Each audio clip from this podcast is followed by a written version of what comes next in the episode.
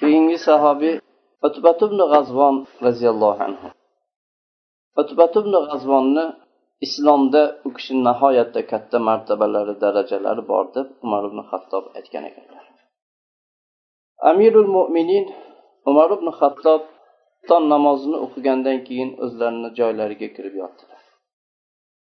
U kishi kechasida madina ko'chalarida chiqib aylanib qo'riqchilik qilardilar. Shu qo'riqchilikka ozgina dam olib rohat hosil qilib undan yordam olishlik uchun ozgina uyqudan o'zlarini nasibalarini yetishlikni xohlab yotdilar. Lekin xalifani ko'zlaridan uyqu ketgan edi. Chunki xabarchilar xabar olib keldiki musulmonlar oldida mag'lub bo'layotgan forslar askarlari qancha musulmonlar ularni endi yo'qotishlikka yaqin bo'lgan vaqtda ularga har yerdan e, madad yordam kelar edi. Keyin ular yana quvvatini yangitdan tayyorlab jangni yangitdan boshlar edi. Har doim jang qilib endi shu g'olib bo'lgan vaqtlarida yana kuchayishib to'planishib musulmonlarga qarshi jang qilaverardi. Umar roziyallohu anhuga aytildiki ubulla degan bir shahar bor forslarda. Bu mag'lub bo'layotgan forslarning askarlarini mol bilan kishilar bilan madad berib ularga ko'mak yetkazib turadigan manbalarning eng biri eng muhimi deb sanaladigan u ubulla shahri bor deb aytilgan edi. Shunda umar roziyallohu anhu bu shaharni fath qilishlikka bir qo'shin jo'natishni qasd qildilar va forslardan bu shaharni bu yordamini uzishlikni qasd qildilar. Lekin umar roziyallohu anhuni huzurlarida kishilar nihoyatda ozligiga kishi to'qnash keldilar. Sababi musulmonlarni yigitlari o'rta yoshliklari qariyalari hammalari yerni atrofida olloh yo'lida g'oziy bo'lib jangchi bo'lib hammalari atrofga tarqalib chiqib ketgan edilar. Madinada umarning yonlarida ozchilik erkaklar qolgan edi xolos. Shunda umar roziyallohu anhu odamlarda bunday kamchilikni ko'rgan vaqtlarida u kishida mashhur bo'lgan bir yo'lni qasd qildilar. Ya'ni bu kishini tutgan yo'llari askarlarni ozligiga kuchli bir qo'mondonni uni o'rniga qo'yardilar. U kishi o'zini huzuridagi shunday qo'mondonlar ro'yxatini sochib uni tekshira boshladilar. Birma bir hammasini ko'zdan kechirar ekanlar ko'p o'tmay topdim topdim deb baqirib qichqirib yubordilar keyin to'shaklariga borib yotdilar. Bu badr uni tanigan uhud uni tanigan handaq va handaqni boshqa sheriklari uni tanigan mujohid. Yamoma ya'ni musaylamatul kazzob bilan bo'lgan jangni ko'rgan va yamomadagi o'rinlar hammasi bu kishiga guvoh bo'lgan mujohiddirlar. Uni hech qilichi xato ketmagan uni o'qi adashmagan mujohid. Bu ikki hijratda hijrat qilgan yer yuzida islomga kirganlarni yettinchisi bo'lgan kishi dedilar ertalab tong ottiruvdilar o'tbatumni g'azvonni menga chaqirib kelinglar dedilar.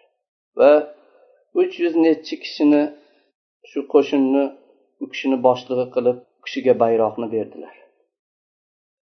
Keyin yana shu jangchilar kishilar kelib qolsa u kishini orqasidan yana u kishiga yordam yuborishlikni ham umar roziyallohu anhu va'da qildilar. Bu kichik askar safarga ketishni qasd qilgan vaqtda umar foruq roziyallohu anhu bu qo'shinning qo'mondoni utba bilan vidolashib u kishiga vasiyat qilib aytdilarki ey utba men seni ubulla yeriga jo'natyapman. Bu dushmanni qo'rg'onlaridan biri katta mustahkam qo'rg'on. Alloh taolodan bu qo'rg'onga qarshi senga olloh yordam berishligini umid qilaman dedilar. U yerga borib tushsang qavmini ollohga chaqirgin. Agar xo'p desalar ulardan qabul qil. Kim unamasa undan shunday xorizor bo'lib o'z qo'li bilan beradigan jizya berishlikka majbur qil va jizyani ulardan qabul qil bunga ham unamasalar ayamasdan ularning bo'yinlariga qilich sol. Ey utba bu sen amr qilingan musulmonlarda ollohdan taqvo qil. Ular haqida ollohdan qo'rq dedilar va seni nafsing oxiratingni senga fasod qiladigan kibrga seni olib ketib qolishidan qo'rq dedi va bilginki sen rasululloh sollallohu alayhi vasallam bilan birga bo'lgansan. Alloh taolo rasuli sababli seni xorlikdan keyin aziz qildi va zaiflikdan keyin seni baquvvat qildi. Hatto sen bunday hukmdor amirga aylanding itoatlik qo'mondon bo'lding. Endi sen gapirsang senga quloq solinadi eshitiladi itoat qilinasan. Sen buyursang buyrug'ing bajariladi. Agar bu seni kekkaytirib yubormasa seni aldab qo'ymasa bu nihoyatda katta bir ollohni ne'matidir. Seni va bizni alloh taolo o'zi saqlasin seni jahannamga bu olib ketib qolmasa bu katta ne'matdir dedilar. Utbat ibn g'azvon roziyallohu anhu o'zlarini askarlari bilan jo'nab ketdilar. O'zlari bilan birga ayollari yana besh oltita boshqa ayollar askarning ayollari va singillarini birga olib ketdilar. Hatto shu ubulla shahrigadan yaqin bo'lgan ko'p ham uzoq bo'lmagan bir qamishzorga borib tushdilar joylashdilar. Endi ularda yeydigan bir narsalari oziq ovqatlari qolmadi. Safar ochlik. Ularga ochlik qattiq bo'lgan vaqtda o'tba roziyallohu anhu bir jamoaga aytdilarki bu yerda biz yeydigan biror narsani izlab ko'ringlar dedilar. Ular o'zlarini ochliklarini ketkazadigan bir taom izlab turib ketdilar. Ularni bir taom bo'ldi bu taomni bir ajoyib qissasi bor. Ularni bittalari buni qissasini rivoyat qilib aytadilarki biz yeydigan bir narsa izlab yuruvdik bir chakalakzorga kirdik. U yerda ikkita katta katta sabatlar turgan edi.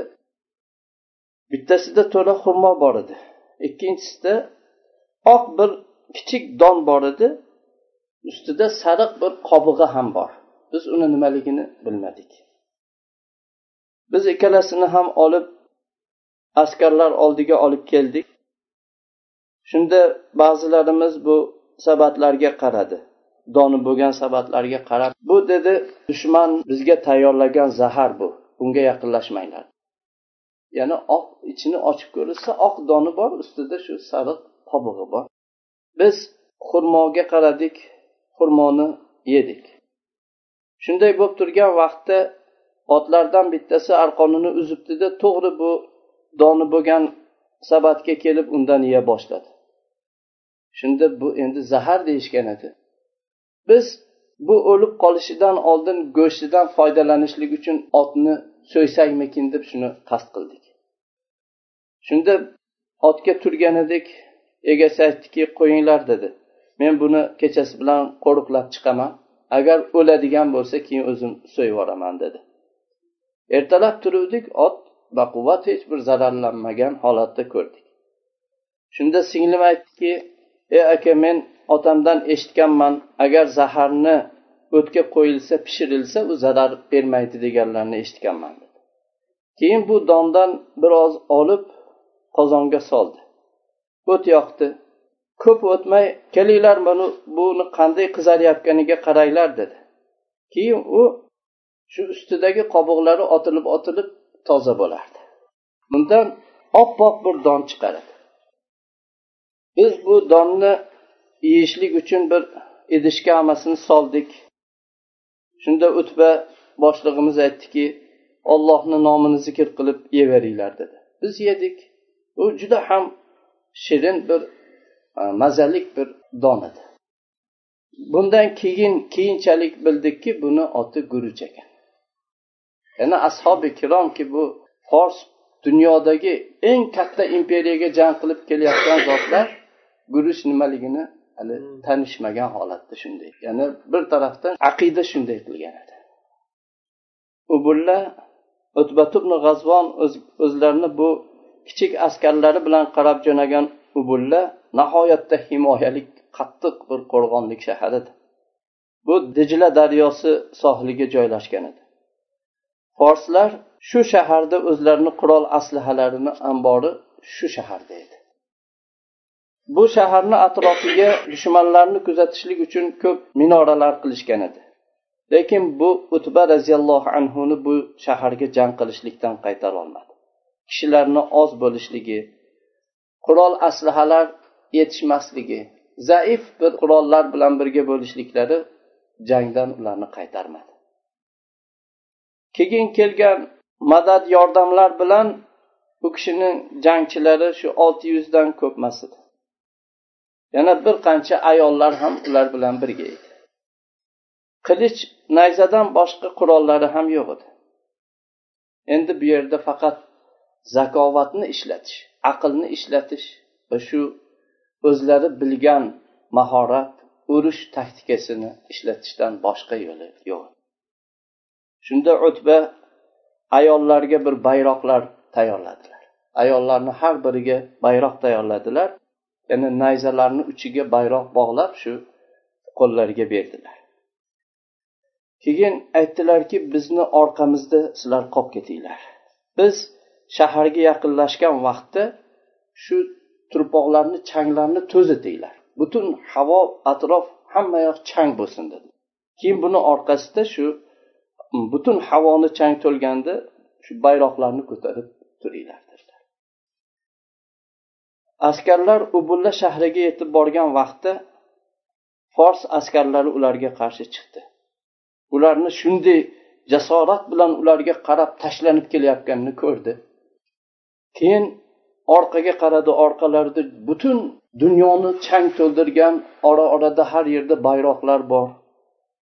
Bir birlariga aytishdiki bu kelayotganlar askarlarni oldidagi yuradigan otryad deyiladi. Shular ekan avangard otryad ularni orqasida butun dunyoni changga to'ldirib chang to'zitib kelayotgan hech mislsiz nihoyatda ko'p sonlik askar bor. Biz nihoyatda ozmiz deyishdi. Ularni qalblariga qo'rquv kirdi. Betoqatlik ularga hukmron bo'ldi. Ular yengil bo'lgan yuklarini tez ko'tardilar qimmatbaho narsalarni oldilarda shosha pisha shu dijla daryosida tayyorlab qo'yilgan kemalarga tezlik bilan chiqib shu qochib hammalari qochib ketdilar. Shunda o'tba roziyallohu anhu ubullaga o'zlarini askarlaridan biror kishini yo'qotmasdan qurbon qilmasdan bostirib kirdilar. Keyin bu ubullaning atrofidagi shahar qishloqlarni fath qildilar. Bu yerdan hisobdan ya'ni hisoblab bo'lmaydigan nihoyatda ko'p g'animat oldilar. Har qanday taxmindan o'lchovdan yuqori bo'lgan hisobsiz bir o'lja oldilar. Hatto u kishining ba'zi elchilari madinaga qaytdi. Odamlar ubullada musulmonlar qanday? deb so'radilar. Aytardilarki e sizlar nimani so'rayapsizlar? Biz ularni ubullada qoldirib keldik oltin kumushlarni ular shu zambillarda savatlarda toshirdilar. Shunaqa katta dunyoda qoldilar. Shunda odamlar tuyalariga minib safarga otlanib ubullaga qarab jo'nashardi. Bu paytda utbat ibn g'azvon bu fath qilingan shaharda u kishining askarlarini turishligi ularni bunday nihoyatda farovon yashashlikka odatlantirib qo'yadi deb bildilar va ularni shu shaharni ahlini axloqi bilan xulqlantirib qo'yadi dedilar. Va ularni irodalarini mustahkamligi shu jangni davom ettirishga bo'lgan mustahkamligini susaytiradi deb o'yladilar. Va umar ibn hattobga basra shaharini qurishlikda ruxsat so'rab xat yozdilar. Va o'zlari ixtiyor qilgan tanlagan joyni umar roziyallohu anhuga sifatladilar. Mana shunday shunday joy bor bu yerda bir shahar quramiz umar roziyallohu anhu ruxsat berdilar. Utba roziyallohu anhu bu yangi shaharni loyihasini chizdilar. Birinchi qurgan narsalari katta bir masjid qurdilar. Hozirda ham shu mashhur bo'lgan basraning katta jomisini qurdilar. Albatta buni qizig'i yo'q. Musulmonlar o'zi shu masjid uchun chiquvdilar. U kishi utba utbaning sheriklari ollohni yo'lida g'azot qilib chiqar ekanlar masjid uchun chiqqan edilar. Masjid bilan ular u kishining askarlari ollohni dushmanlariga g'olib bo'ldilar. Keyin askarlar yerlarni bo'lib uylarni qurishlikka shoshildilar. Lekin utba o'zlariga uy qurmadilar. Balki u kishi kiyim kechaklardan bir chodir qurib olib shuni ichida yashab turdilar. Lekin u kishini ichida ko'nglida bir ishni u kishi sir tutar edi o'tba butun basrada musulmonlarga dunyo shunday bostirib kelayotganini ko'rardilar. Bu kishini albatta o'zini nafsidan esankiratib qo'yadigan darajada dunyo bosib kelar edi.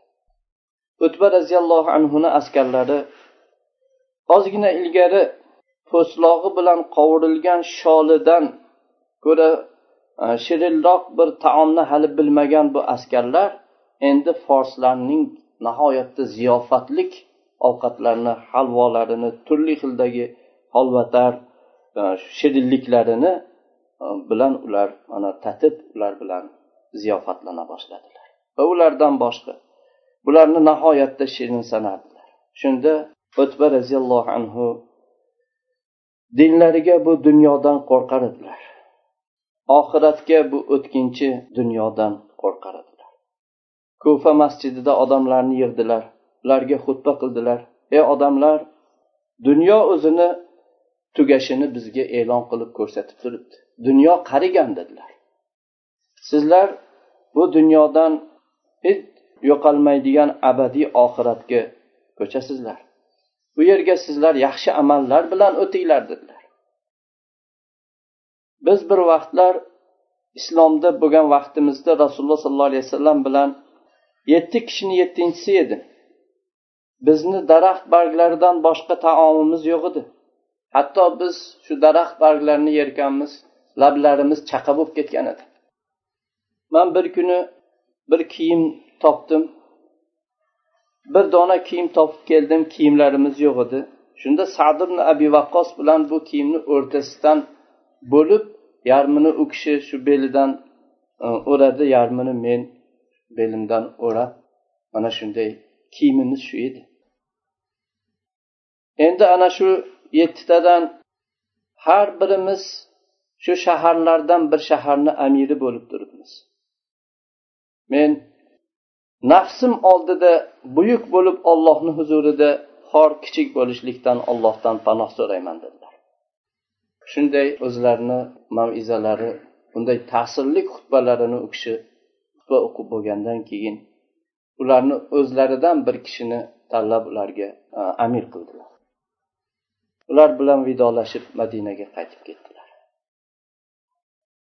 Umar roziyallohu anhuni oldilariga kelgan edilar. Meni shu boshchilikdan bo'shatib qo'ying. Umar u kishini bo'shatmadi. Bu kishi qattiq turdilar qattiq iltimos qildilar. Xalifa ham qattiq isror bilan turib oldilar va basraga qaytishlikka buyurdilar. Umarni buyruqlariga azvon roziyallohu anhu majbur bo'lib bo'ysundilar. Tuyalariga mindilar. U kishi duo qilib aytardilarki yo olloh meni bassaga qaytarmagin. Yo olloh meni u yerga qaytarmagin deb duo qilib yo'lga tushdilar. Alloh taolo u zotni duolarini ijobat qildi. Madinadan uzoq ketmagan edilar hatto tuyalari qoqilib tuyadan u kishi yiqilib tushdilarda dunyodan ya'ni hayotdan ko'z yumdilar vafot etdilar. Alloh taolo rozi bo'lsin. Ular mana shunday dunyoni kelishligidan qo'rqqan zotlar. Ya'ni ozgina oldin sholi nimaligini bilmagan zotlar keyin dunyo kelganda oxiratga bu juda katta xatar deb bilib dunyodan hazar qilgan zotlar. Alloh taolo rozi bo'lsin. Alloh ularni rozi qilsin va o'zini jannatlarida alloh taolo ulug' bir mukofotlari bilan ularni alloh mukofotlasin سبحانك اللهم بحمدك. أشهد أن لا إله إلا أنت أستغفرك وأتوب إليك. السلام عليكم ورحمة الله وبركاته.